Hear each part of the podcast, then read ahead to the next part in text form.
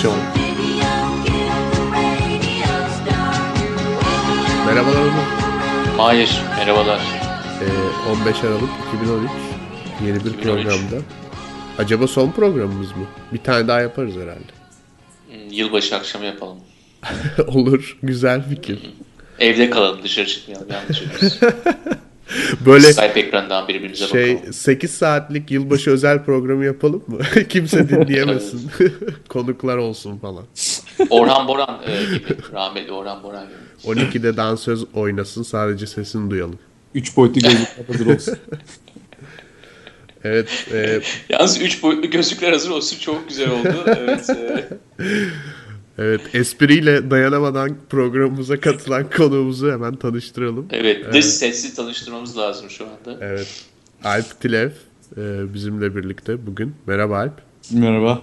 Mahir. Merhaba Hoş Onur. geldin. Hoş bulduk. Ee, Onur, Alp'e geçmeden önce biliyorsun Mandela yaşamını yitirdi. Madiba. Bir Madiba. şeyler söylemek ister misin? Ee, ilk önce bir tören yapıldı. Ondan sonra 10 gün sonra defnedildi galiba. 10 yıl 10 günlük bir yaz ilan edildi. Evet. Ee, yani pek Mandela hakkında söyleyecek fazla bir şeyim yok. Ee, ama bu Obama'nın e, ve İngiltere Başbakanı'nın ve Danimarka Başbakanı'nın selfiesi hakkında söyleyecek bir şeylerim var. Evet. Ee, bilmeyenler için söyleyelim. Bu üç e, dünya lideri, artık Danimarka'yı da dünya lideri diye katacağız bilmiyorum ama e, kendi kendilerinin fotoğrafını çektiler. Danimarkalı e, başbakan ortada.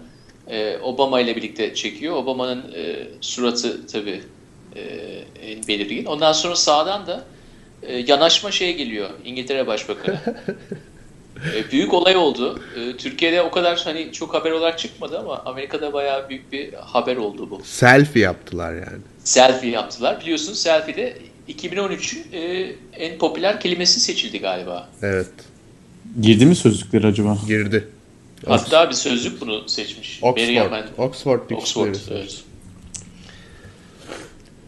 Ee, evet. Ya nedir olayı- ya bu çocuklar böyle eğleniyorlar işte yani ne, ne var bunda yani bu neden sence bu kadar büyük bir olay oluyor veya nedir insanları burada çeken insanın rahat rahat böyle bir şey yapması mı? Bir de bu arada e, Türkiye'den bir bakan da onların tam önünde bir maç muhabbeti yapar gibi yanındaki adama kulağına bir şeyler fısıldıyor hiç hiçbir şeyden habersiz bir şekilde.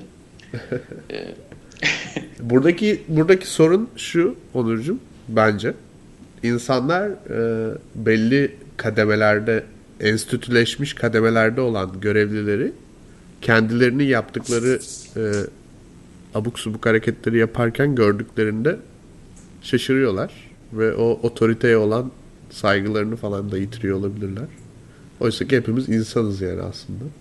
evet. Ama tabii bilmiyorum hani öyle bir ortamda değil de başka bir yerde yapmış olsalar belki daha az Evet, tepki cennet alabilirdi. yaz ne oluşuyor biraz daha sanırım. Şamata Kıygır'a daha az insanlar e, hoşgörüyle bakıyorlar ortamlar. Şimdi Evet. e, hızlıca Alp'i tanıtmak istiyorum. Alp çok genç ama çok tecrübeli bir konuğumuz.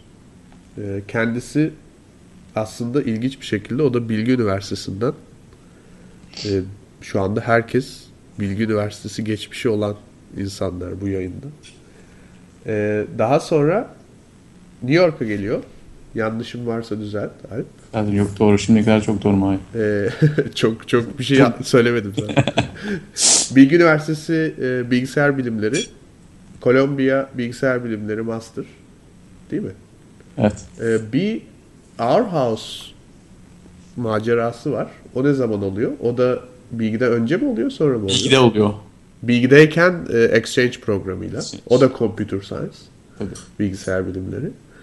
Ee, daha sonra da iş hayatı var. İş hayatında Search Engineer, Fast Search and Transfer. Daha sonra Microsoft'a geçiyorsun. Ee, Search yine e, danışmanı olarak, arama danışmanı. Şimdi de Senior Evangelist olarak, Startup Evangelisti olarak, bunu Türkçe'ye e, Startup Misyoneri olarak çevirelim. E, Microsoft'ta devam ediyorsun. Çok e, gerçekten böyle insanların e, geçmişine baktığımda 3 tane farklı bilgisayar bilimleri okumuş çok fazla tanımıyorum. buradan başlayalım istiyorum. Ee, ne, bu kadar böyle bilgisayar bilimlerini farklı yerde okumuş olmak nasıl bir tecrübe? Yani Avrupa var, Türkiye var, Amerika var. Doğru, güzel bir soru aslında. Ve aslında orada da yani eğitim şekillerinin ne kadar çok değiştiğini e, çok güzel görmüştüm yani. Türkiye'de bilgide çok ufaktı bölümlerimiz. Hani çok sınıf arkadaşları böyle çekirdek ekipler şeklinde gidiyorduk ama çok daha böyle bir piyasa yönelik bir e, eğitim vardı Türkiye'de. Hı hı. Avrupa'da çok daha proje ve e, takım çalışması ağırlıktaydı. Yani her şey bir takım çalışması çalışması halindeydi. Yani Kişisellik yok muydu yani? Efendim? Kişisellik çok ön planda Kişisel değil. Hiç yoktu. Hatta insan bir noktada artık gel şunu da tek başıma bir yapsam bir birisi almasam ne oluyordu yani gerçekten. Ve Amerika'da da Amerika'da biraz daha a, gene takım çalışması ve piyasaya yönelik yani ikisinin birleşiminde Amerika'da a, a, gördüğümü istiyorum. Yani burada da ki dersler ama buradaki tabii ders aldığım insanlar da aşırı kalifiye insanlar böyle hani konu konuya daki ilk 3 paper yazmış adam mesela. Yani neden ders alıyorsun? O da ayrı bir a, boyut getiriyor işe.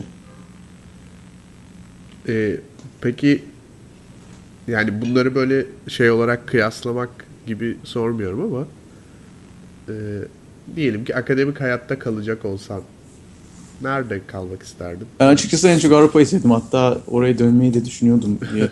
Ve hani gelmek, burada kalmak da o hani tekrar Avrupa'ya dönmek arasında e, yüksek lisans için e, oldukça uzun süre düşündüm ve Amerika'da karar kırdım en sonunda. Neden? Çünkü, ya çünkü yani daha şey iş e, daha aslında lojistik sebeplerden dolayı sanırım. Aslında e, Eğitim- eğitimin bir kısmını karşılıyor olması. Bunlar da en büyük sebep olabilir. peki bu e, yani sonuçta Fast Search and Transfer e, sanıyorum ufak bir şirket. Hala devam ediyorlar mı? Hayır, hayır, bunları Microsoft satın aldı. Ha, okey. E, Ama senin Microsoft'a geçişin o satın almayla alakası yok herhalde. Hayır aynen tamamen o satın almadan alakası, alakası var. Öyle mi? Evet evet. Aa, ve sonra da o kadar okudun 3 tane master, ay 3 tane değişik ülkede bilgisayar okudun. Sonra misyoner oldun. Evet öyle oldu valla. teoloji falan da okumadan Teolojisiz alıyorlar bu bunlara. Evet şimdi bu e, biz Bu arada kartta yazıyor mu onu da soralım. Kartta yazıyor mu evangelist diye? Yazıyor ya aslında benim hiç gözüme batmıyor artık o, o kelime. Çünkü insanların hani ilk defa çok fazla insan duyuyor bu kelimeyi. Yani benden hani kartımı görünce özellikle okuyunca uh, title'ımı insanlar böyle o, o nasıl bir şey yani hani acayip kafalarını kurcalıyor. Çünkü çok dinsel bir içeriği uh, yüklemesi olan bir isim olduğu için Aha. Ama Kuzey Amerika'da tabii evangelist kelimesi e, yani aslında özellikle başka bir alanda kullanılıyorsa iş hayatında e, onların pratiğine referansla yani kapı kapı gezen anlamında gibi bir Evet, evet. hani bir, bir şeyi yan, yaymak amacıyla evet çalışan e, insanlar. ciddi bir misyonerlik şeyi taşıyor. Fakat yine de bu e, bu iş titri çok ilginç çünkü e, benim de daha önce duymadığım bir şeydi. Tam olarak ne yapıyorsun Alp? Mesela bir günün nasıl geçiyor? Ya da bu işi kim bulmuş? Yani Microsoft mu çıkarmış, Google mu çıkarmış? Nasıl çıkmış? Bir bize birazcık bahsedebilir misin bu işin ne olduğundan? Valla tam olarak bilmiyorum bu işi ilk kim bulmuş ama oldukça e, fazla e, şirkette özellikle teknoloji şirketlerinde buna benzer pozisyonlar var ve gene aynı isim altında evangelist altında geçiyorlar. Hı hı.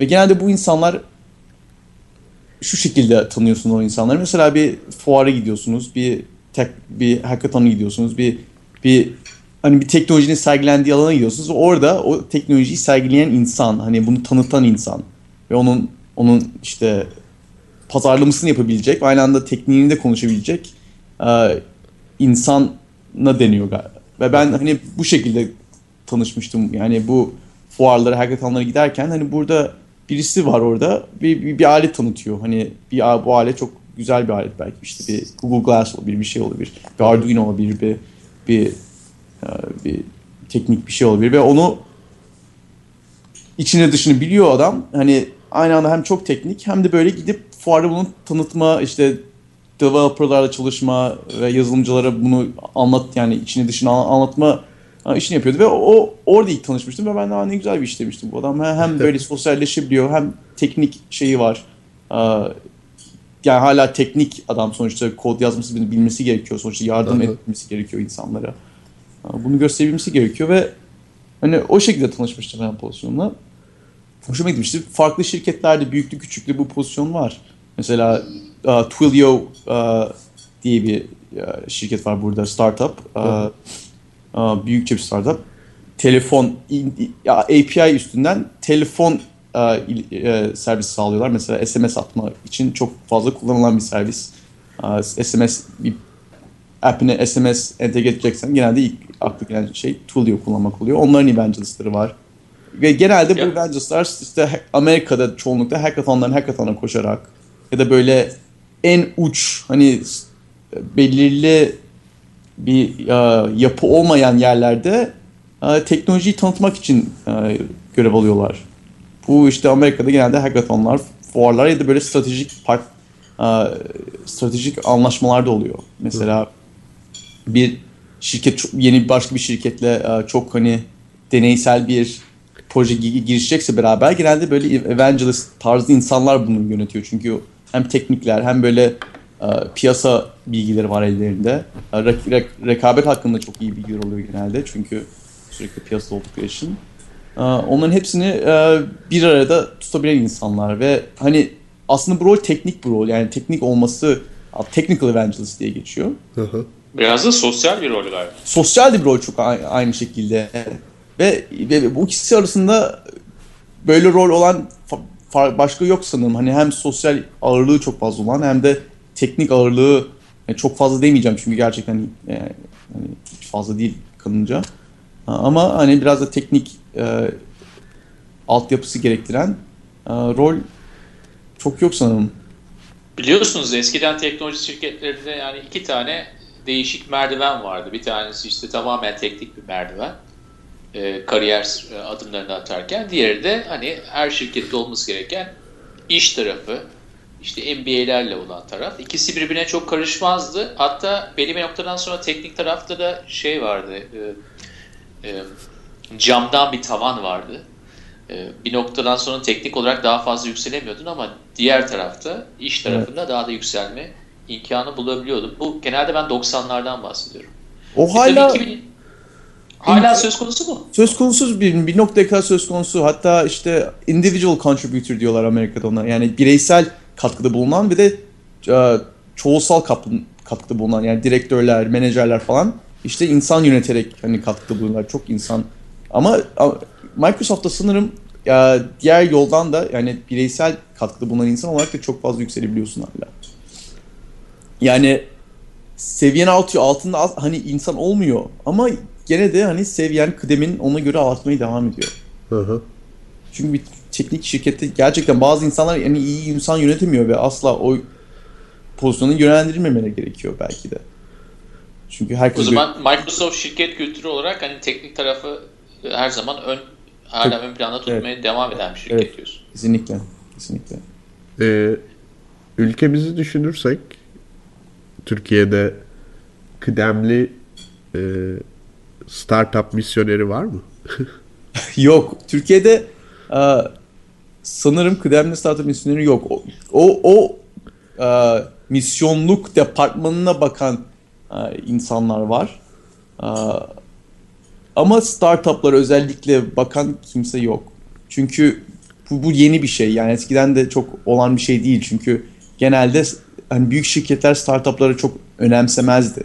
Hani Hı-hı kendi işlerini yaparlardı. Startuplar bir tehdit oluşturmazdı. Ama o, o günler biraz geride kaldı artık. Yani startuplar hani inanılmaz hızlı geliştirme yaparak yani şirketlerden genelde çok daha fazla yenilik e, etkileyebiliyorlar ve hani bir anda insanlar hani platformlarda geliştikçe bir yerden bir yere geçmeleri çok ağrı vermiyor, sancı vermiyor artık ve onun da farkında çoğu şirket. O zaman ya ne yapıyorlar ya gidip bu startupları satın alıyorlar. Hani teknoloji portfolyolarını geliştirmek, daha hızlı geliştirmesini sağlamak, yetişebilmek için. Veya e, çok yakın ilişki kuruyorlar onlarla bir sürekli gözünün üstünde tutarak ve bu insanlar benim teknolojilerimi kullanıyorlarsa bu yeni şeyleri geliştirmek için zaten o, onlar e, benim için bir tehdit oluşmaz. Benim e, e, şeyimi benim piyasamı genişletiyorlar aksine diye düşünüyor. Hı hı. Yani startuplar ve büyük şirket açısından e, genelde zaten bu yüzden var, var bu roller. E, platformlarının tanıtımını, kullanımını ve e, e, adaptasyonunu bir nebze e, kabul ettirmek için ya da başkalarının kullanması için. Peki Alp yani dinleyenlerimiz bence bu misyoner pozisyonu e, anladılar. Ama bu startup misyonerliği konusunu özellikle senin gibi büyük bir şirkette, Microsoft gibi bir şirkette çalışan bir insanın e, startup misyonerliğini biraz Mahir'in ilk sorusunda olduğu gibi biraz e, Nasıl yani mı çok fazla sırlarını ifşa etmeni istemiyoruz Alp ama bir günün nasıl geçiyor? Kimlerle konuşuyorsun? Yani onlar onları satın almak mı amacınız? Onlarla Yok, iletişim yok, evet. ettirmek mi? Ee, şöyle diyeyim yani bir günümü anlatmak biraz zor ama bir haftamı anlatabilirim. Çünkü genelde bir günüm benim bir haftam bir gün gibi geçiyor genelde. Ve hani hafta başından işte şeylerden bahsediliyor. Hani bak bu startuplar var. Bak bunlar bu var. Bu okudunuz mu? Bu şu böyle bir ne olmuş piyasada startuplar? Bir farklı kanallardan o, o bilgi bir hazmediliyor. Sonra genelde eskiden ilişkimiz olan startuplarda böyle bir bir toplantılar dizisi yaratılıyor mesela. Bu geçen hafta 5 tane farklı startupla buluştum. Ve genelde onların işte CEO, CTO ekibiyle beraber aa, buluşuluyor. Ve hani gidip biz merhaba biz Microsoft'uz. İşte hani şu şekilde e, size yardım edebiliriz. İlgilenir misiniz e, diyoruz. O, o şu şekil genelde hani bu büyüyen startuplarsa genelde daha fazla müşteri al- almak istiyorlar. İşte biz de ha, bizim platformlarımıza bir şey yapmadıysanız onlara bir şeyler üretmekte size yardım edelim. Aa, ve hani ondan sonra da hani marketing kısmına size yardım edelim. Bu, bu yeni çıkardığınız, bizim platformumuzda çıkardığınız app'ler olsun, şeyler olsun. Onları biz aa, pazarlamasını yapalım. Sonra belki diğer platformları yaparız. Mesela hani genelde bir tüketiciye yönelik bir startup varsa aa, Xbox'ta bir şeyler yapmak istiyor adam adamlar mesela. Biz yani Xbox'ta işte şey sipariş işte içki sipariş app'i koymak istiyoruz mutlaka diyor, diyorlar mesela. Biz de tamam süper diyoruz işte. Aa, çok isteriz. Çok iyi bir fikirmiş yalnız. Değil mi? Yani Hemen Türkiye'ye getirelim diyecektim ama sonra demedim tabii. tabii. Ee, olmaz herhalde Zor, zor olabilir. ülkemizde. Evet. La- galiba birkaç tane öyle market var ama evet yani, yani var böyle bir şeydi hatta New York'ta. Aa, ve onları yani işte her platforma bu haya, pa- pazarlamanın pazarlarını genişletmelerini aa, bu platformlara bizim platformlara genişlemelerine yardım ediyoruz. Ve en sonunda hani güzel bir hikaye çıkartıyoruz bundan. Ha işte şu, şu şunu şunu şunu beraber yaptık. Sonra şu işte bu app sayesinde şu kadar daha çok müşteriler işte şu kadar daha çok para yapmayı başardı bu startup ve hani böyle bir bir tehlikeyi atlattı ve şu kadar x büyüme yaşadı. Hani onun dışında da e, yatırım kolu var. Microsoft Ventures diye bir yatırım kolu var Microsoft'un. Bunlar Onlara da tavsiyeler yapıyorsunuz belki. Onlara belki tavsiyeler satın almalar konusunda. Aynen öyle. Yatırım için bize gelenler oluyor ve yatırım aldıkları zaman zaten bizden direkt bizim direkt e, yardımımızı alıyorlar. Ve yatırım dışında Microsoft onlara hani bir stratejik e, yatırımlar yapıyor. Bunlar genelde para karşılığı hani bir biz "Aa, bu startup satılacak sonra biz bu kadar para yapacağız bu yatırımdan diye bakılmıyor. E, bu startup'a ben şu kadar para yatırıp hani onlarla stratejik bir şeyler yapma hakkı kazanıyor. Ve bu mesela diyelim bir startup var. eee, diyelim bir tablet uygulaması yapıyor şirketlere ve hani çok fazla tablet ihtiyacı var bir startup. Hani çok fazla tablet almak bir Apple'dan zor bir şey. Yani belirli sayılarda verebiliyorlar sadece. Microsoft çıkıp mesela diyor ki al tamam o zaman size bin tane tablet. Bunu yapın. Buna yap- bununla yapın ve e, Çözüm ortağınız Microsoft size tabletleri veriyor. evet. yani o zaman evet. Alp yani esas da sizin en büyük isteğiniz yani bu yaratıcı Platform- insanlar başkalarına gitmesinler. Sizin e, platformunuza daha yakın çalışsınlar. Aynen öyle. Tamamen bir platformun yaygınlaşması ve platformun yerini korumasına yönelik bir çalışma bu. Ee, ve Microsoft sonuçta startuplar gelecekte hani şu anda e, Microsoft'un en büyük e, müşterileri kim diye düşünürseniz bunlar kurumsal şirketler genelde ilk aklı gelen şey. E, kurumsal şirketler ama şu andaki startuplar geleceğin aslında kurumsal şirketlerini bir parça e, bir parçası olacaklar. Başarılı olanlar özellikle. Başarılı olanlar çıkacak da burada bir kurumsal kimliğe bürünecekler. Ve başta senin teknolojini kullanmıyorsalar sonra da kullanmam ihtimalleri çok yüksek. O yüzden bu tamamen hani biraz çok ileriye yönelik. Ağaç yaşkanı iyidir. Evet. Aynen, Aynen öyle. Aynen öyle. Erken erken yatırım yapmak her zaman daha iyi. Ve tamamen bu onun e, onun e, onu işte Microsoft'a daha yakın tutmak startuplara her zaman Microsoft'un ileride işine yarayacak bir şey ve bu onun ona yönelik bir çalışma. Peki yatırımcılarla olan ilişkileriniz ne durumda? Alp? Yatırımcılarla- Yani sonuçta şimdi e, belki birazcık daha da hiç bilmeyen hani şu an iyice işin derinliklerine girdiğimiz için yani kısaca özetlemek gerekirse bir teknoloji geliştiren genç şirketler var. Bir yatırımcılar var. Bağımsız ya da e, büyük holdinglere bağlı. Bir de e, teknoloji devleri var ki teknoloji devleri senin biraz önce anlattığın şekilde bir misyonerlik yürütüyorlar. E, bu yatırımcılar tabii ki startup dünyası için çok önemli bir aset. Yani çok önemli bir değer. Çünkü para olmadan belli bir noktaya kadar gidebiliyorsun. Ve işte bildiğimiz gibi angel'lar var. Venture kapitalistler var. Bunlar ciddi miktarda para yatırıyorlar. Aslında bir yanda da e, işin dümeni onların elinde bir noktadan sonra. Parayı kime verirlerse aslında senin o ileride kurumsallaşacağını düşündüğün şirketler onlar oluyorlar. Bilmiyorum bunu e, onaylar mısın ama biraz öyle görünüyor. Yok kesinlikle. Doğru. E, burada bu noktada aslında e, şirketlerden e, ziyade yatırımcılarla da iyi ilişkiler kurmak önemli herhalde.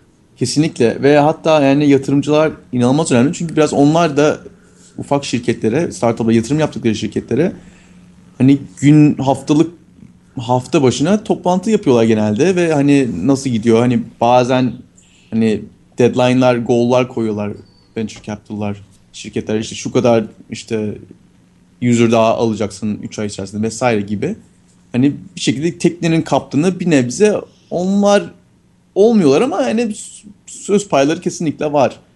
Ve hatta yani genelde hani VC sırf para bir venture capital sırf para değil aksine bir partner a, diye bakılıyor. Yani yani gidip herhangi bir insanın parasını almayın deniliyor. Yani o, onun size para dışında bir katkısı olacaksa bir a, birisinin parasını alın diyor. Çünkü orada para a, tamamen hani para önemli kesinlikle ama yani genelde VC'lerin para dışında da çok fazla katkısı oluyor şirketlere.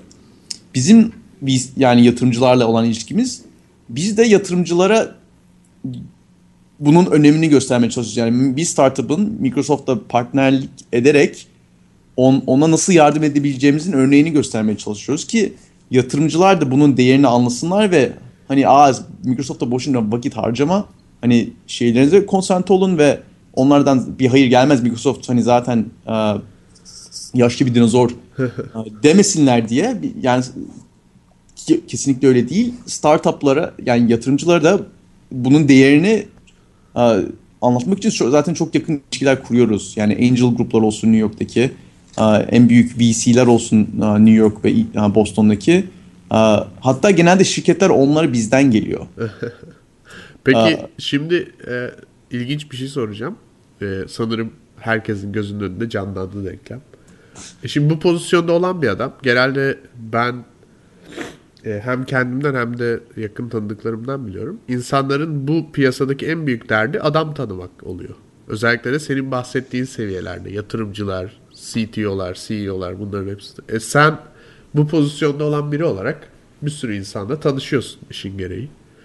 E, bu noktadan sonra niye kendi işini yapmıyorsun? Yani hani tabii niye olmasın? Yani bu mesleğin ömrü bana biraz kısa gibi geldi. ya, yani o, genelde de zaten e, öyle olma ihtimali yüksek. Genelde benim benden önce böyle benzer işler yaptı tanıdıklarım. E, hepsi ya bir yerde bir CTO olarak çalışıyor, bir yerde ya birisi işte VC'ye geç bir tarafına geçiyor, birisi ya bir accelerator incubator'da böyle bir in, e, entrepreneur in residence gibi roller ya da technologist in residence gibi hani e, rolleri geçiyorlar ve doğru çünkü çok inanılmaz dinamik bir piyasa zaten startup dünyası. Yani bugün çalıştığın bir şirket Microsoft'un ertesi gün ya acquire oluyor olmuş olabiliyor ya da kapanmış ol, olabiliyor. Yani işin gereği zaten işin kendisi inanılmaz dinamik, piyasa inanılmaz dinamik. Hani rol de dolayısıyla biraz dinamik olma ihtimali bence normal geliyor. Çünkü yani hani bir baş etmek biraz yorucu bir şey çünkü çok fazla hareket eden parça peşinde koşan koşulan bir pozisyon. Onun dışında tabii o kadar çok enteresan insan, o enteresan fikir ve o enteresan projeyle yakından ilgilenme fırsatı buluyorsun ki hani hani cezbedilmek edilmemek mümkün değil gibi Yani cezbedilmiyorsan bir terslik o var diyebilirim. İşten anlamıyor olabilirsin. evet işten anlamıyor olabilirsin. Belki de gerçek misyonersin böyle hayatını adamısın. ya öyle insanlar da var. Ama onlar da startup event yani onlar da bu işi yapması pek mümkün değil gibi geliyor bana. Çünkü yani biz hani zaten startuplarla muhabbet edebilmek için hani hani sırf hani gidip yani diyelim Hristiyanlık örneği verelim. Yani sen gidip farklı dinlerin adamlarına ko- konuşmak isteyince böyle onların dinlerinden de anlaman gerekiyor. Epey. Tabii çok güzel söyledin esasında. Yani onların dinlerinin en e, açık noktalarını bulacaksın ki Aynen senin öyle. dinini satabileceksin. Ya ben zaten dinlerinden anlamıyorsan kesinlikle mümkün değil. Aynen yani sonuçta sen bir satıcısın yani. Aynen. Ee, ve bunu yapmak için de her zaman e, başka malı almamaları için kendi malını satman için de diğerini diğerinin e, malını çok iyi bilmen gerekiyor. Kesinlikle. Ee, güzel bir konuya girdik bir anda. ben bu konuda böyle bir, bir saat konuşabilirim. Çünkü genelde e, dinler arasında serbest piyasaya tamamen inanırım. Ve bu konudaki e, tekelcilikten de hiç hoşlanmam. Yani gerçekten de herkes kendi dinini başkalarına satabilmeli. E, derken e, tekrar konuya dönmek istiyorum. Ve yıllardır da satıyor insanlar bence. yıllardır da yapıyorlar gerçekten evet. bunu. Zorla olsa bazen bazen şey güzel. Bazen bir... kılıçla Bazen, bazen, bazen de kapı kapı dolaşarak e, merhaba. evet Yahoo, Yahoo şahitleri gibi. E, bu arada e, gerçekten kartında bu yazıyor dedin değil mi? Evangelist yazıyor. Evet. Evet. Evet. Yani ne bileyim. Vallahi yazıyor. Partilerde falan böyle yani çok ya Buyurun açıkçası kartını. ben hani evet garip buluyorum ya. Ben çok hoşuma giden bir kelime değil açıkçası. Yani bir isim değil aslında.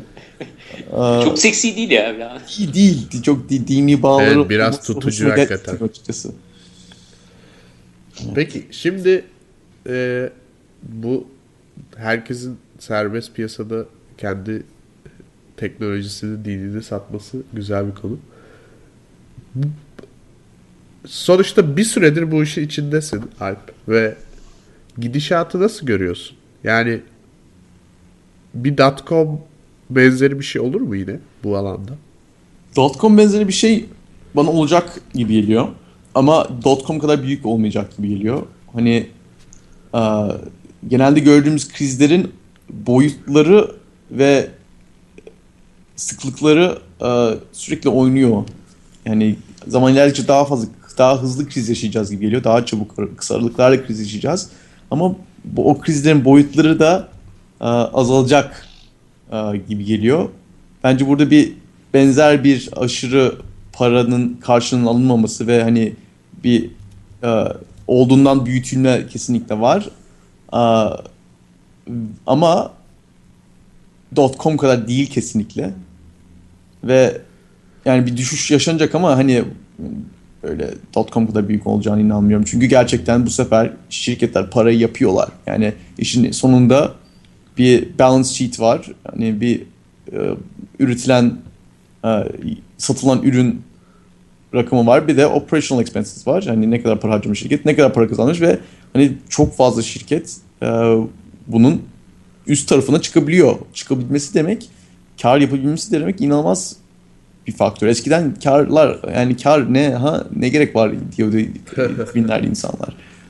Yani bin, bir milyon kullanıcımız var. Kâra ne gerek var? Bir milyon kullanıcımız varsa gibi e, şeyler biraz daha akıllandı. Bu ve sanırım e, 2010'ların oralarda böyle bir tekrar hani oralarda böyle bir gene bir ne gerek var kâra? Para yeterli e, şey ne, ne gerek var kâra e, kullanıcı yeterli mantalitesi tekrar işte bunu VC'ler gönderiyor zaten. Çünkü VC'ler hani parayı bir milyon kullanıcısı ama sıfır karı olana verince insanlar ona yöneliyor. Ama şimdi VC'ler parayı hani 100 bin kullanıcısı ama karı olana verince insanlar ona yöneliyor. Çünkü bu piyasayı VC'ler kontrol ediyor bir kısmında. Paranın nereye gideceğini onlar karar veriyor sonuçta. Ve onların gereksinimleri şirketlerin de ona göre iş modeli kurmalarını sağlıyor. Ve sanırım biraz daha hani şu anda ya para yapmaya bir, bir ürünü hani satılabilir bir şey ya da hani bir para getiren bir şeye yönlendirmeyi daha fazla bir önemi var ve o, o biraz daha da olsa bu e, büyük çöküşü engelleyeceğini hissediyorum ama gene bir çöküşte yaşayacağını hissediyorum. Çünkü çok fazla bir e, abartı bir hani herkes hani Snapchat 3 milyarı hayır, hayır dedi deyip böyle bir çenesi yerlerde dolandı herkesin bir nokta yani öyle şeyler olduğu sürece zaten sürekli bir bir, bir, bir tehlike içerisindeyiz. Evet bu Snapchat örneği güzel bir örnek. Çünkü bu bayağı tartışıldı. Hani 3 milyarlık ne var diye. Sen sonuçta bu denklemlerin tam arasında duran bir pozisyonda olan bir insan olarak e, neden öyle bir para verildiğini düşünüyorsun? Yani Snapchat özelinde de konuşabiliriz ya da genel olarak da. Niye öyle sansasyonel rakamlar çıkıyor? Güzel bir soru. Yani o, o sansasyonel rakamlar çünkü sürekli... Ben kendi fikrimi söyleyeyim istersen bir tabii, e, tabii. perspektif olsun. Tabii. E, bunu e, Instagram, Facebook tarafından alındığında da konuşmuştuk.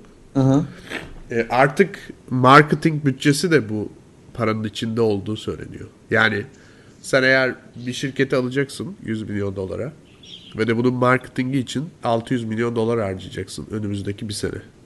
Onun yerine 700 milyon dolar veriyorsun. Direkt zaten 3 ay boyunca herkes bunu konuşuyor yani. Böylelikle şirketi bilmeyen kalmamış oluyor. Aynı zamanda fiyattan marketing yapıyorsun. Aynen öyle. Evet yani bu bunun e, e, bir strateji olduğunu ben düşünüyorum. Çünkü e, yani herhalde o olaydan sonra şu anda Snapchat'i bilmeyen de kalmamıştır. Instagram'ı da Instagram alındığında öğrendi zaten birçok insan. Doğru. Evet. Ee, bence sansasyon yaratmanın... Ya sebeplerinden biri bu yani. Bir bir, bir o zaman büyük bir fiyat önerirsin. Ondan sonra vermezsin onu da. İki tarafta anlaşır der ki abi sen bunu vereceğini söyle. Tamam ben de alacağımı söyleyeyim ama yani biz bunu yarısında veya üçte birine kırışalım birbirimiz arasında falan diyebilirsin. Yani. Ama ters tepki de oluyor. Mesela hani bunlar en büyük örnek Amerika'da Groupon. Hani vaktinde Google'un sanırım 600 ya da milyon dolar mı? Evet. Hani, tam hatırlamıyorum rakam ama ciddi hani, bir rakamı reddetti. Ciddi bir rakamı reddetti ve herkesin çenesi hani tabii rakamların zaten boyutunun ne kadar değiştiğini görüyoruz şu anda. Evet. O, o zenginin e, evet züğürdü hani ne derdi ona? 100 milyon zenginin dolar malı. böyle evet. çok gelmiyor artık. Hani o biraz ürkütücü. Ama onların da sonucu hiç iyi olmadı yani tamamen Groupon şu anda Amerika yani kaç kez onların CEO'su e, dışarı atıldı ve evet. yani kesinlikle iyi bir pozisyonda olan bir startup değil şu anda ve hani ve çünkü çok kolay bir şekilde kopya edildi. Yani çünkü üyelik sistemi içerisinde onun üyeliğiyle herhangi bir Snapchat gibi bir şey veya işte Instagram gibi bir e, şirketin üyeliği arasında çok büyük bir e, kategorik bir farklılık vardı. Tabii loyalty ee, hani böyle bir insan... Yani Groupon'da sıfır loyalty vardı. Biz sıfır zaten loyalty, evet. sene önce de konuşmuştuk yani bu yani iş modeli olarak biraz problem, problematik bir iş modeli olduğuna dair. Ben biraz daha orijinal soruya da dönmek istiyorum Alp. Mayer'in sorusunda hani bir, bir dot-com olacak mı? Yani 1999-2000'lere benzeyeceğiz mi diye bir soru sordu. Ee, sen diyorsun ki bence çok güzel bir cevap. Ya yine krizler olacaktır ama o kadar büyük değil, daha küçük küçük krizler olacaktır diyorsun. Ve bunun nedeni olarak da 2010 senesinden beri artık e, ilk başta e, karın arka planda olduğu halde biraz daha ayakları yere, yere basar hale geldi ve burada melek yatırımcı dediğimiz e, kişilerin de daha kar, karda son 200 senedir biraz daha üstünü basa basa buna daha önem vermeye başladıklarını söyledi. E, bir de ben aynı zamanda yani 99-2000 ile bu zamanları karşılaştırdığımız zaman yani dünya da çok farklı bir yer. Yani 99-2000'de işte dot-com krizi olduğu zaman herhalde böyle startuplar, onlara e, para verenler, dünyanın herhalde 3-4 şehrinde falanlardı. En önemlisi tabii Silikon Vadisi olmak üzere. Ama şimdi startup dünyasına bakınca yani bunu bir haritalandırma yapsan yani dünya böyle ışıl ışıl yanıyor. Her tarafta bir yangın var arkadaşlar. Avustralya'sından Estonya'sına kadar bir yangın var. Ya belki de bu kadar fazla katılım olması da e, krizlerin sıklık oranını belki ne bileyim veya derinleşmesini de engelliyor olabilir. Biraz daha bizim reality check dediğimiz daha gerçekçi bir hale getirebilir mi? E, ya da tam tersi de olabilir. Yani biraz burada beyin fırtınası yapar gibi oldum ama e, ben 99-2000 ile 2013 arasındaki farkın e, özellikle çok fazla dünyanın şehirlerinde startup olmasının da krizlerin e, muhteviyatını, krizlerin şeklini değiştireceğini düşünüyorum. E, kendi pozisyonum, biraz önce Mahir'in yaptığı gibi ben önce kendi pozisyonumu vereyim, ondan sonra e, topu Alp'e atalım ama e, ben bir, biraz daha olayın daha ayakları yere basar hale getirdiğini düşünüyorum. Yani dünya üzerinde rekabetin bu kadar çok artması ve startup kültürünün bu kadar bir hastalık gibi yani yayılması, e, virüs gibi yayılması diyelim, hastalık değil bir virüs gibi yayılması e, esas da böyle e, krizlerin sanki şeyini azaltıyor, e, derinliğini azaltıyor gibi geliyor. E, ama bu benim biraz hani hislerimle, biraz bildiklerimle söylediğim bir şey ama senden ve özellikle Mahir'den de gelecek yorumlara bu konuda açığım. Ne dersiniz? Yani dünya 2013'te startup her yerdeyken bunun krizlere olan katkısı nedir sizce? Ya ben katılıyorum sana Onur yani sonuçta bu, bu genelde bir makro ekonomi sorusuna da çok benziyor. Çünkü hani çok daha birbirine bağlı bir dünyada yaşadığımızdan dolayı hani belki 2000'de Silikon Vadisi or, yani yo yoğunlaşmış bir kriz hani dünyanın Çin'deki bir köyde yaşayan bir insanı fazla etkilemedi belki. Hani hmm. hani bu ama şu anda dünya çok daha birbirini kolay etkiler halde bağlı yani çok daha birbirine bağımlı hale olmasından dolayı görüyoruz bunu ve startuplar da her tarafta. Hani startuplara akan paralar belki her yerde Amerika kadar çok değil. Hani bunun bir numaralı kesinlikle e, şeyi Amerika yatırımların e, çıktığı. O yüzden hani startuplar her yerde olabilir ama önemli olan galiba bir krize bakmak için startuplara akan para nerede? Aa, çok güzel.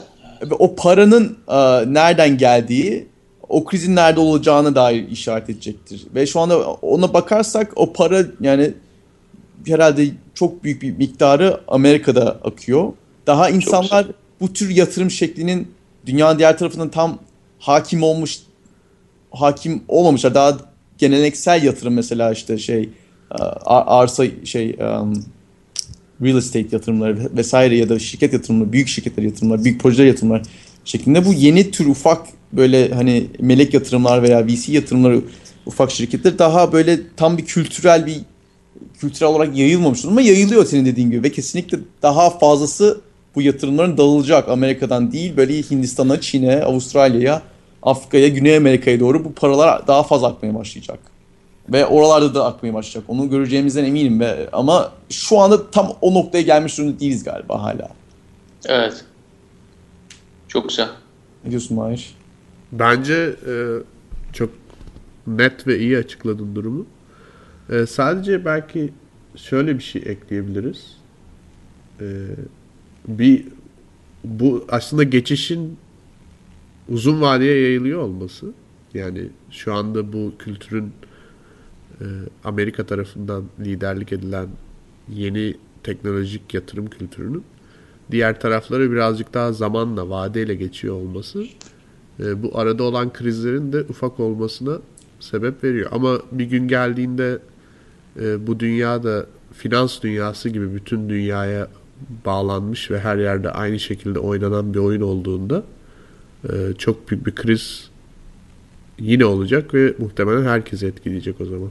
Evet kesinlikle katılıyorum Mahir. Yani hatta buna böyle geçenler yaşadığım bir ufak e, deneyim böyle çok güzel yani bana bunu hissettirdi. E, işe işte Amerika'da New York'ta ilk başladığımda e, Search Consulting e, de işin bir parçasıydı ve burada işte bankalara e, ve e, ya da finansal kurumlara e, gidip hani search konusunda yardım ediyorduk. Bunların kendi içerilerindeki sistemlerindeki search arama motorlarındakileri ve Merrill Lynch'te çalışmıştım ben bir süre. Merrill Lynch'e bir yardım etmiştik bu konuda.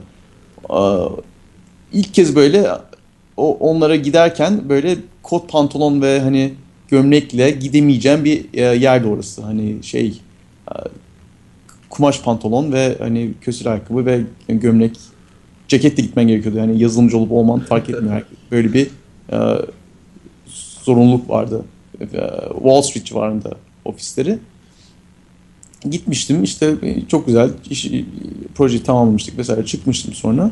Neyse aynı ofise e, yaklaşık bir ay önce e, bilmeyerek e, başka bir startupla görüşmek için e, gittim.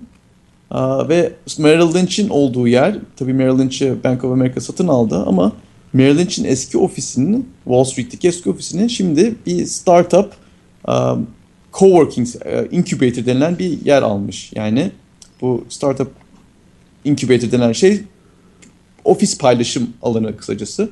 Pek çok ufak şirket beraber gelip ofis paylaşıyorlar. Yani fax makineleri, fotokopi makineleri, print makineleri, kahve, mutfak vesaire, masa paylaşmak için ve birbirlerine yardım etmek için böyle ortamlar oluşuyor ki çünkü bir startup'ın bildiği şey müşteri sizi sana yardım edebilir. O yüzden böyle bir oluşum var New York'ta çok büyük bir şekilde. Ve işin komik kısmı bu aynı takım yemeğine gitmem gereken ofis şu anda böyle rengarenk, en en tasarım böyle koltuklar, lambalar, halılar böyle her yer beyaz tahta böyle herkes flip flop kot, tişörtle doluşuyor içeride. Herkes de böyle işte Ray-Ban gözlükler, her şey inanılmaz tasarımsal ve böyle inanılmaz bir fark var. Yani bir 5 seneye geçmiş de orası yani Amerika'nın en kurumsal kalbinin attığı yerde şimdi böyle rengarenk canlı milyonlarca insanın rüyasını böyle parasını yatırdığı minik e, şirketlerin e, fokurdadığı bir yer olmayı e, başlıyor ve bu hani finansal kurumların gittiği aynı yola gitmez diye umuyorum ama hani benzer e, şeyler de görüyoruz aralarında biraz. Güzel bir örnek. Herkes biraz rahatlasın diyorsun. ee, ama bence yani kravat takman veya flip flopla dolaşman e, senin batıp batmayacağını veya endüstrinin batıp batmayacağı hakkında çok fazla bilgi vermiyor genelde. ee, ama bu anekdotu çok sevdim. Baştaki örneğe gidersek de bence herkes gerçekten biraz rahatlasın. İçinde batmak da olsa batmamak da olsa. Tabii işte bu galiba yani, biraz da şeye gidiyor işte baştaki Obama'nın uh, selfie. Evet yani lütfen ya biraz selfie'lerimizi çekelim yani. tamam kardeşim bu şirkette bakıp batabilir. Bir sene sonra başka bir tanesini yaparsın. Büyük bir kriz olur ama yani süreçler çok önemli. Ee, ve bu süreçlerin değerini bilmek lazım. Bu süreçler sırasında tanıştığın insanların da değerini bilmek lazım. Ee, yani karın peşine koşmayalım, şirketlerimizin değerinin artmasına e, istemeyelim değil. Ama bunları yaparken de nasıl süreçlerden geçiyorsun? Kaç saat çalışıyorsun? ya bunlar da çok önemli faktörler. Ee, ama ya dünya bence e, ben biraz önce Mahir dediği biraz aklıma takıldı. Ee, yani dünya üzerinde bu startup e, daha da fazla insanı Alp de aynısını söyledi. Yani daha da fazla insanı içine aldığı e, almasıyla birlikte bütün diğer sistemlere entegre olmasıyla birlikte yani içi de değişiyor. İnsanların davranışları da değişiyor. Yani e, bir VC'ye melek yatırımcı diyoruz ama VC'ler aynı zamanda kurtlar sofrası gibi. Yani VC ile toplantı yaptığın zaman senin parçalamak da istiyorlar aynı anda. Yani lütfen e, biraz e, bu finans, e, teknoloji dünyası ve yatırımcılar ve en önemli şey kullanıcıların bu girdiği dünya e, yani bir tarafta el ele tutuşalım güzel şeyler oluşturalım ama diğer tarafta da her biri birbirinden bir şeyler koparmaya çalışıyor. ee, onun için yani ben hani krizlerin hiçbir zaman sonlanacağını kimse söyleyemez zaten. Krizler her zaman devam edecek ama krizler ol, ol, oldukça yani bence biraz daha başka şeylere bakmak lazım. Ee, ben sözü size tekrar devretmeden önce şunu söylemek istiyorum. Ya Alp gerçekten çok hoş bir iş yapıyorsun. Yani bir haftan anlattın bize gerçekten en baştan beri. Ee, ve olayın böyle sosyal tarafı bırak yani ben biraz dinsel dedim yeterince cinsel değil dedim belki ama o işin o işin latifesi e, kesinlikle bence Türkiye'ye geldiğin zaman e, yani bunun da Türkiye'deki uzantılarını konuşmamız lazım. Hatta dinleyicilerimizden de bu konuda e, ilgisi veya bilgisi olanlar varsa lütfen bizimle kontağa geçsinler. Misyoner olmak isteyenler. Ben Misyoner olmak isteyenler. Ee, kendini nerede görüyorsun Alp? Birkaç mesela 5 sene sonra. Klasik bir soruyla bitirelim. Yapma. Alp de diyecek ki ya ben adaptasyondan böyle bir şey beklemiyordum ya. Ne yaptın bize böyle bir soru sordun? Değil mi ya? Interview sorusu. Hayır benim aslında sorumun okey e, şeyi e, arka planındaki ajandamı açıklayayım. Hani kendi dinini başlatmayı düşünüyor mu onu sormak Ya, istiyorum aslında. ya, ben, ne ben- güzel evet. ya ben her zaman teknik şeyler daha çok hoşuma gider. Sosyal e, yanları işinde hoşuma çok gitti ama e, teknik yanlar ke- kesinlikle beni daha çok motive eden şeyler ve o yüzden e, yeşil sahalara e, inanıyorum. Tekrar. On servisim cebimde diyorsun. Evet. Yani on, onunla şüphem yok. Ve, ve özellikle şimdi hani yazılım çok sıcak kesinlikle ama hani e, şimdi VC'ler e, şöyle bir şey diyorlar hani işte hardware is the new software e, Hı. diyorlar ve hani artık görüyoruz ki en heyecan insanları heyecanlandıran e, fikirler artık e, bir nebze elle tutulabilir bir e, şey olan fikirler. Evet. Mesela herkes coin'u coin'u bir gördü bir in- internette değil mi? Ne güzel güzel bir şey. Viral bir patlama yaşadı. Ee, teknoloji e, kredi kartlarınızı tek bir kart getiren bir kart elektroniklerle. Hani öyle şeyler e, şimdi çok daha mümkün kıldığı için öyle insanlar heyecanlanan şeyler de orada. Benim de öyle şeyler tabii ki çok eğlenceli. Böyle bir şey elle tutulur bir şeyler üretmek ve o o da çok hani muhtemelen o, o tarz bir şeyleri O zaman ben senin Microsoft'ta geleceğini pek görmüyorum. Alp. ya Bu belli olmaz biraz Microsoft, başarısız bir şirket çünkü. Microsoft da hani bu alanda bir şeyler e, yani en azından e, startup dünyasında güzel şeyler yapıyor. Yani incubator'lar kuruyor işte şu anda Rio ve Londra'da Berlin'de işte accelerator e, açmakla meşgul e, bizim Microsoft Ventures'daki arkadaşlar. E, hani o tarz böyle startuplarla daha belli başlı bir alanda startuplarla beraber çalışacak şeyler benim ilgimi çekiyor.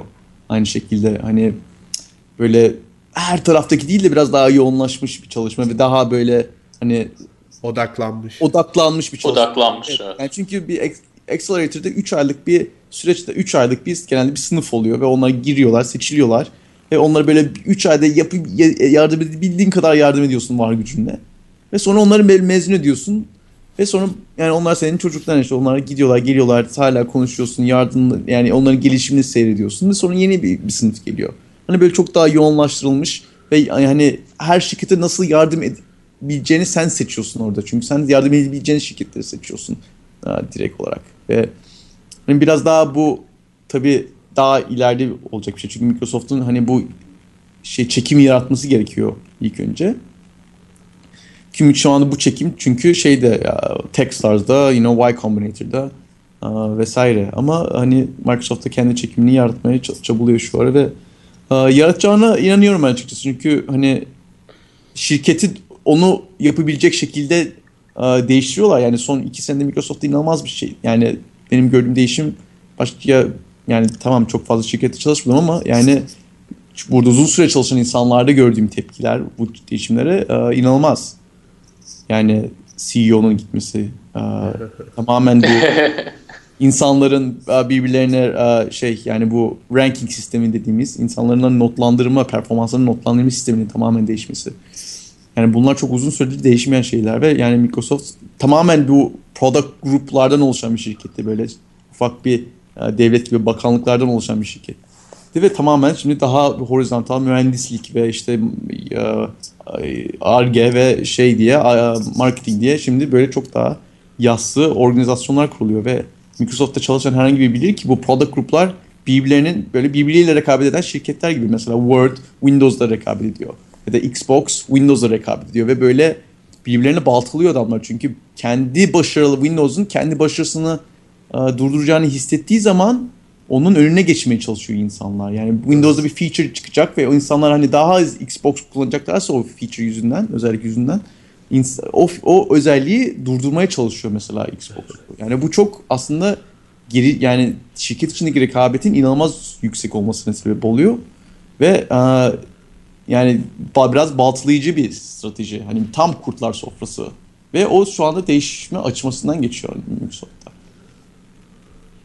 O çok büyük bir fark yaratacağını izlerim ve daha hızlı yenilik çıkarabilen ve daha böyle beraber çalışabilen bir e, Microsoft yaratmaya çalışıyorlar. Ne kadar başarılı olacaklar göreceğiz ama şimdilik doğru adımları attıklarını düşünüyorum ben o konu içerisinde.